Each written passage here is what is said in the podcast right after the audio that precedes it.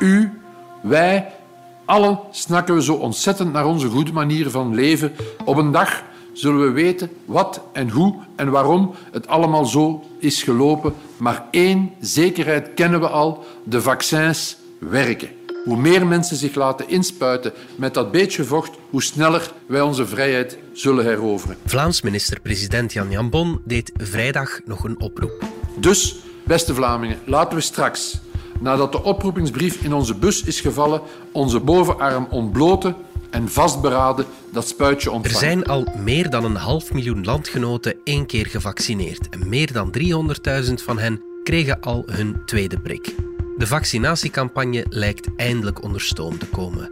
Al wordt er nog naar goede Belgische gewoonte over van alles en nog wat gediscussieerd. Moeten we vaccins verplichten of niet? Wie krijgt er voorrang en moeten er nadelen komen voor weigeraars? Het is maandag 8 maart. Ik ben Alexander Lippenveld en dit is de podcast van de Standaard.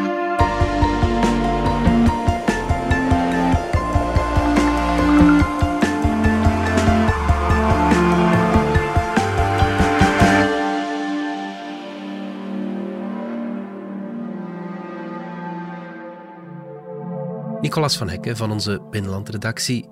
Ik zal niet zeggen dat het simpel is om zo'n vaccinatiecampagne ja, van nul uit de grond te stampen, maar toch wat een geknoei weer. Hè?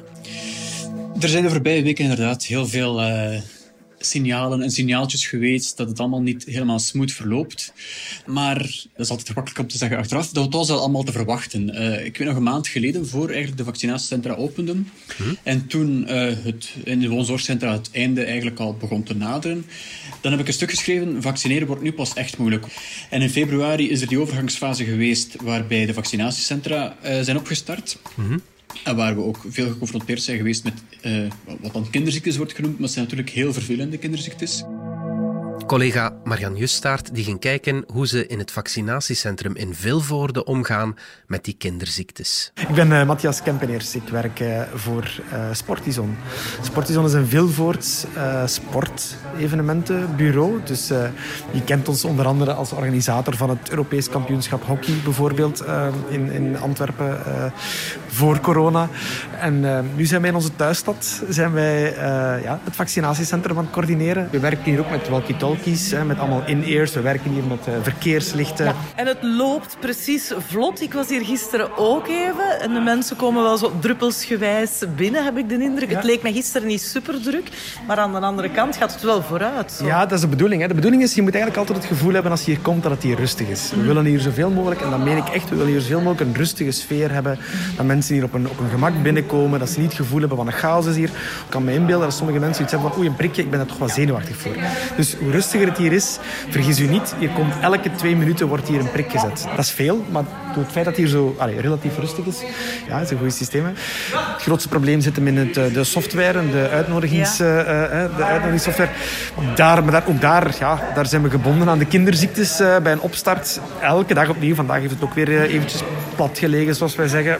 En dat zorgt wel voor heel veel frustraties. En dat heeft voor heel veel frustraties gezorgd ja. de voorbije weken. Hoeveel vaccins um, zijn hier al geleverd en hoeveel zijn er al gezet? Op dit moment hebben wij ongeveer 200 vaccins per week. Dus dat is niet veel. Dat zullen jullie in de media ongetwijfeld wel gevolgd hebben. Ja, dat is toch wel een van de meest genoemde kinderziekten, waar de mensen zich ook het meest aan geërgerd hebben. Dat dat zo stokt, hè? dat dat zo traag verloopt. Dat is onze grootste frustratie ook. Ehm, ik kan, kan niet meer benadrukken, dat we ook wel meermaals gezegd. Hè. Onze grootste frustratie is dat we niet meer vaccins uh, krijgen. We staan klaar, de mensen zijn klaar, we hebben, we hebben medewerkers, vrijwilligers, uh, de faciliteiten zijn ernaar.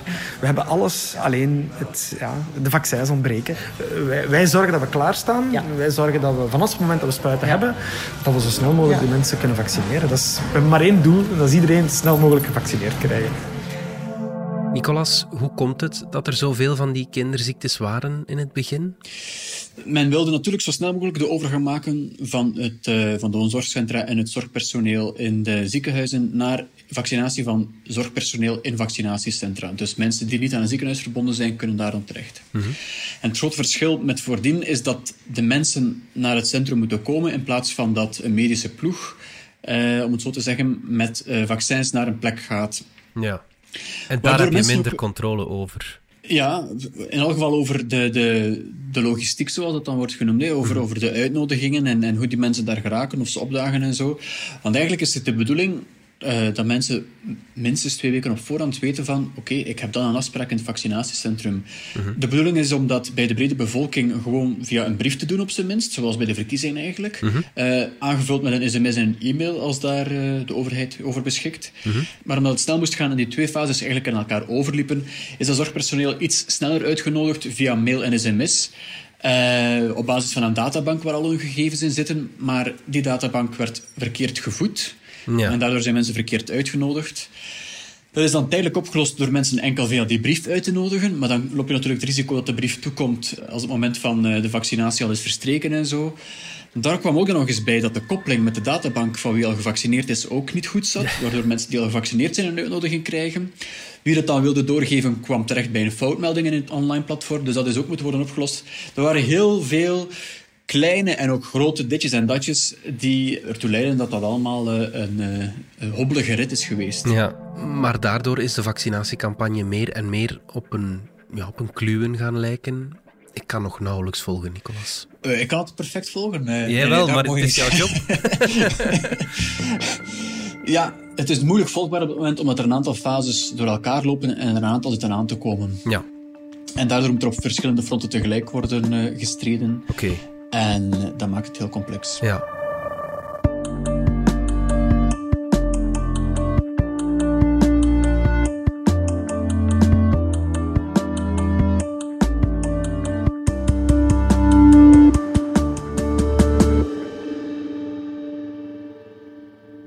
Iets meer dan een half miljoen landgenoten kreeg al hun eerste dosis van het vaccin en meer dan 300.000 van hen kregen zelfs al hun tweede prik. In het vaccinatiecentrum in Vilvoorde loopt intussen alles best wel vlot, zo stelde Marian vast. Aan de ingang van VC Bolwerk.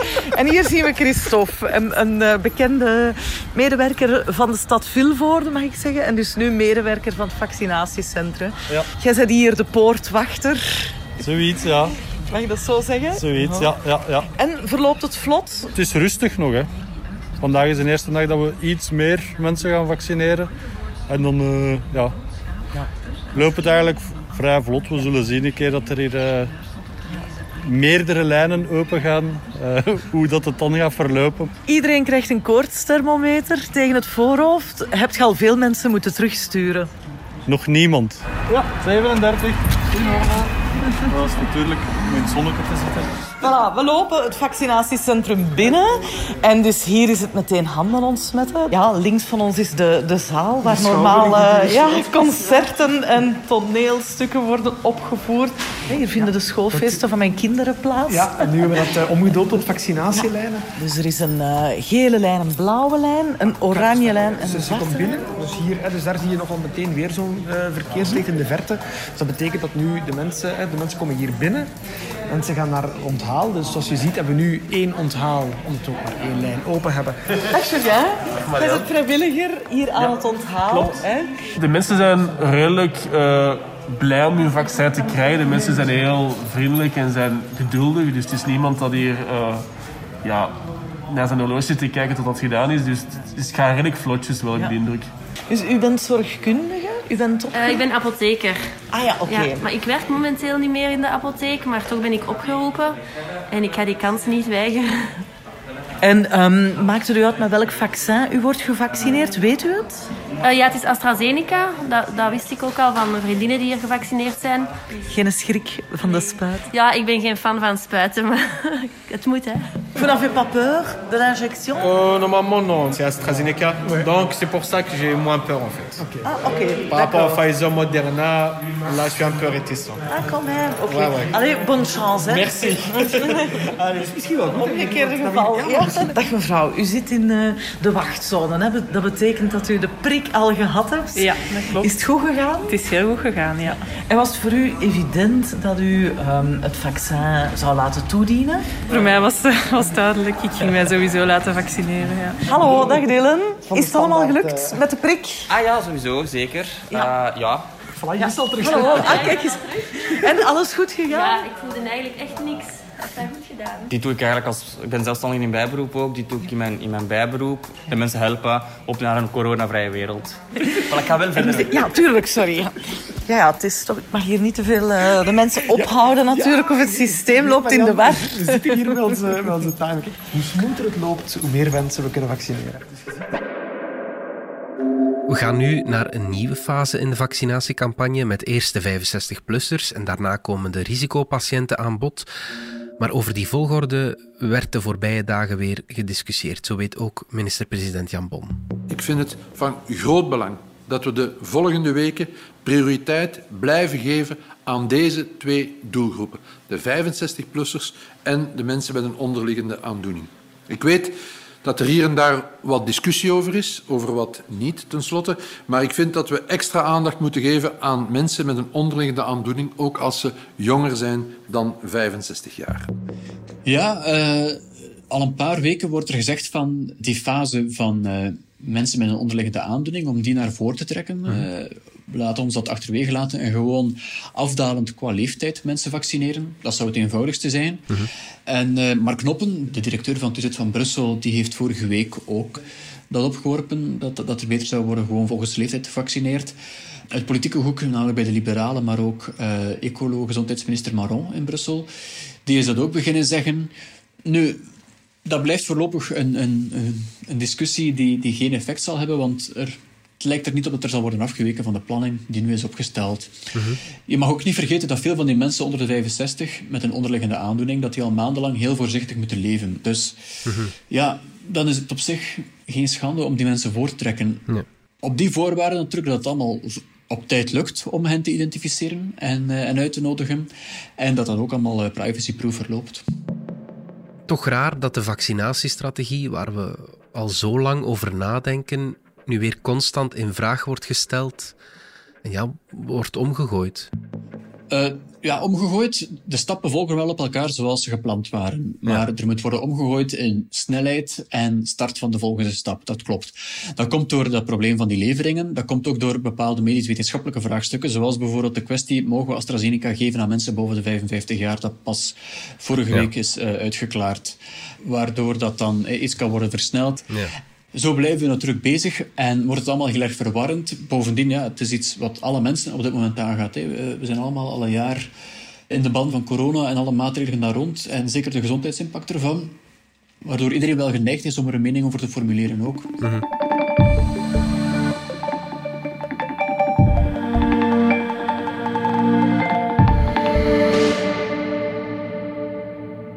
We zijn terug na de reclame. Bitcoin, het verhaal van een digitale gold rush. U heeft zeker ook al over de bitcoin horen spreken. Zowat iedereen heeft de mond vol over de enorme waardestijging van deze cryptomunt. In die mate zelfs dat meer dan 5 miljoen Europeanen in 2021 graag in cryptomunten willen beleggen. Wil u meer weten over deze digitale gold rush? Kijk dan op bitforyou.io, het eerste Belgische platform voor al wie actief is rond cryptomunten. Nog zo'n discussiepunt dat af en toe bovendrijft is de volgorde van vaccineren. Moeten we het onderwijzend personeel en andere beroepsgroepen moeten die voorrang krijgen? Uh, ja, uh, op dit moment is de enige groep die wegens een functie naar voren wordt getrokken de interventieploegen van de politie. Mhm. Omdat die ja, in onvoorspelbare omstandigheden terechtkomen waar een, ja, oncontroleerbare omstandigheden zijn het ook echt. Um, het ziet er eigenlijk niet naar uit dat er nog veel andere groepen zullen worden geprioritiseerd op basis van hun beroep. Ik denk eerlijk gezegd dat het zo al moeilijk genoeg is, heel de kwestie. Er is al heel veel gelobby en kritiek op de opeenvolging van groepen op dit moment. Dus ze gaan dat niet nog moeilijker maken door bepaalde groepen naar voren te trekken. -hmm. Wat met het verplichten van het vaccin? Af en toe komt dat ook weer uh, aan bod. Ja, vorige week kwam dat uh, aan bod naar, naar aanleiding van een uitbraak met de Zuid-Afrikaanse variant in uh, een woonzorgcentrum in Anzegem, mm. waar zes personeelsleden waren besmet en vier van hen waren niet gevaccineerd. Uh, ook in de krant, uh, bij ons dus, ja, hebben al verschillende getuigenissen gestaan, uh, met name dan uit Brussel en Franstalig België, over de moeilijkheid om zorgpersoneel in ons zorgcentra te vaccineren. -hmm. Gemakkelijk 40% of zelfs de helft van het personeel weigert daar een prik. Mm -hmm. Zorgnet Icoro, een, een belangrijke koepel van zorgpersoneel, die vraagt de verplichting. van het vaccin voor, voor zorgpersoneel. Minister Beke houdt daarvoor, daarvoor de boot af. Een verplichting kan ook een averechtseffect hebben, dikwijls. Hè. Ja. Nog, nog meer mensen uh, afhaken. Uh, het voordeel is wel dat er ja, op korte tijd een hogere vaccinatiegraad kan worden gehaald. Uh, er is ook al een verplichting voor vaccin van hepatitis B. Ja. Uh, er zouden meer versoepelingen rond bezoek kunnen zijn in de woonzorgcentra. aangenamer werkomstandigheden voor personeel. Het euvel blijft toch vooral dat mensen het meer weigerachtig kunnen staan tegenover een vaccin als het verplicht is. Ja, hoe komt het eigenlijk dat die medewerkers in een woonzorgcentrum dat die daar zo sceptisch tegenover staan. Ik dacht dat dat de mensen waren die er misschien wel het hardst mee geconfronteerd worden met dat coronavirus. Hè? Ja, ja, inderdaad. Dat is, ja, de, de, eerste golf en de tweede hebben in de woonzorgcentra lelijk huis gehouden. Mhm.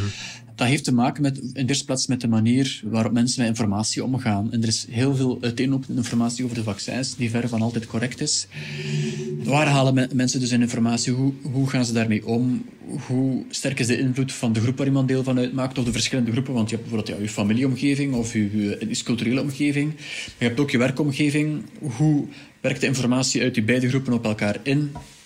Eh, dat zijn allemaal dingen uh, waar, waar heel moeilijk vat op valt te krijgen ook. Alleen kan je als overheid ja, communiceren en blijven communiceren over de veiligheid van het vaccin en zeker het nut ervan. Maar de vraag is dan, ja, hoeveel vertrouwen hebben mensen in de overheid en de communicatie die daaruit komt? Dat zijn dingen die je niet uh, op enkele weken zomaar oplost. Minister-president Jan Jambon die weet dat de overheid nog een extra inspanning moet doen. Toch zullen we nog inspanningen moeten doen om zoveel mogelijk Vlamingen warm te maken om zich ook effectief te laten vaccineren. We moeten zo snel mogelijk naar minstens 70 procent van de volwassenen en liefst natuurlijk nog veel meer. Om iedereen van die noodzaak te overtuigen, zullen we de komende weken nog een stevig tandje bijsteken, ook met een originele campagne. We zullen ook bijkomende inspanningen doen om mensen uit specifieke doelgroepen mee naar het vaccinatiecentrum te krijgen. Ergens kan je de weigeraars ook wel begrijpen. Er is om de zoveel tijd nieuws over een vaccin, bijvoorbeeld AstraZeneca. Eerst is dat dan niet voor 55-plussers, dan weer wel. Uh, dan gaan we weer naar een één vaccin of één prikstrategie. Dat wordt dan ook weer die piste verlaten.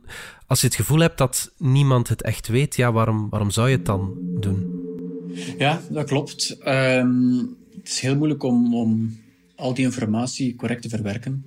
Ehm, de, de origine van de vaccins, of de ontwikkeling ervan, is ook vrij snel gegaan natuurlijk. Uh, wel volgens de bestaande procedures, maar die werden voor een stuk in elkaar geschoven, waardoor we al met een volgende stap worden begonnen als er nog een andere bezig was. Roos van Tenderlo contacteerde onze redactie. Zij is 66 en wil graag een vaccin, maar haar vertrouwen in AstraZeneca is door alle problemen wel erg laag dat een goed vaccin? Ik weet dat niet. Ik ben niet blij met, met AstraZeneca, omdat die firma ja, die heeft iedereen voor mij zo'n beetje in het zak gezet. Zo, zo werkt je niet als firma. Als ik, ik nu Ursula van der Weijen, ik zou ik wel zeggen, sorry mannen, we betalen wat we hebben en we gaan gewoon Sputnik kopen, want mijn hele vaccin en mijn hele leveringen, en wat is dat nu al allemaal geweest? Dat doe je toch niet? En je bent dan toch zelf, als klant moet je toch niet gaan op je knieën zitten voor, voor een leverancier die als zijn werk niet doet. Ik ben zo mijn vertrouwen kwijt in al die dingen. Want het gaat maar alleen maar precies om snelheid. Nu, een gevecht tegen dat beest gaat, niet om, gaat om snelheid, maar, niet, maar ook om, om, om, om, om een goed wapen te hebben. Maar ik ga altijd een jonge gast, zeg hem het maar. Allee, dat is je voorbeeld. Hè. Als Herman de Croo en de koning en de ouders van Mark Varans duidelijk ingesend worden met AstraZeneca, dan zou ik misschien minder schrik hebben. Maar niet als Mark Varans dat doet, is veel te jong. Ik heb zo mijn best gedaan en zo gehoopt op een goed vaccin. En ik heb nu een vaccin wat ik echt toch wel niet echt helemaal vertrouw. Zo. Het is ook gewoon iets zeer menselijk om, om ontrouw te staan tegenover iets dat wordt geprikt in je lijf. Dat is uh, niet onbegrijpelijk. Hmm. En ja, het enige wat we kunnen doen is, is vertrouwen op de inschatting die onder meer het Europees Geneesmiddelenagentschap EMA daarover heeft gemaakt. Die onafhankelijke wetenschappers daarover maken en ervan uitgaan dat dat uh, grondig is beoordeeld als veilig. Mm -hmm. Misschien moeten we mensen motiveren voor een vaccin door hen privileges te geven. Europa denkt bijvoorbeeld aan een reispas voor mensen die al gevaccineerd zijn. Het probleem met zo'n pasje is dat daarop staat medische informatie. En de verwerking van medische informatie door bijvoorbeeld een restaurant waar je langs wil gaan, ik zeg maar iets, dat ligt heel gevoelig in eh, de Europese eh, verordening rond uh, persoonsgegevens. Waardoor ik het ik denk dat de kans zeer klein is dat er over heel Europa zo'n uh, pasje komt. Uh, misschien dat er wel bepaalde toeristische landen dat zullen uh, blijven bepleiten en misschien zelfs invoeren op een bepaalde manier. Maar welke vorm dat, precies zal hebben en hoe essentieel dat, dat wordt, dat zal nog allemaal moeten blijken. -hmm. Israël denkt na over zo'n pasje. Mensen met een vaccin en met dus een pasje zouden sneller naar de bioscoop mogen gaan, bijvoorbeeld. Ja, en het, het interessante van zo'n pasje is wel, het brengt een soort impliciete verplichting om je te laten vaccineren met zich mee. Ja. Als je merkt dat allemaal mensen daar voordeel uithalen als ze gevaccineerd zijn, dan zal dat misschien ertoe leiden dat je ook wil worden gevaccineerd. Ja. Bijvoorbeeld om er op reis te gaan is iets wat heel veel zal voorkomen dit jaar. In die zin kan het nuttig zijn, maar of het ook daarom wenselijk is en dat er niet op andere manieren mensen kunnen worden overtuigd om zich te laten vaccineren, dat blijft een vraag. Ja, peer pressure, dat zal ons redden. Dat is het eigenlijk. Voor een keer misschien. Ja. Goed, Nicolas van Hekken, dankjewel. Dus, beste Vlamingen, laten we straks, nadat de oproepingsbrief in onze bus is gevallen, onze bovenarm ontbloten en vastberaden dat spuitje ontvangen. Dit was de podcast van De Standaard. Bedankt voor het luisteren. Reageren kan via podcast.standaard.be. Alle credits vind je op standaard.be-podcast. Morgen zijn we opnieuw.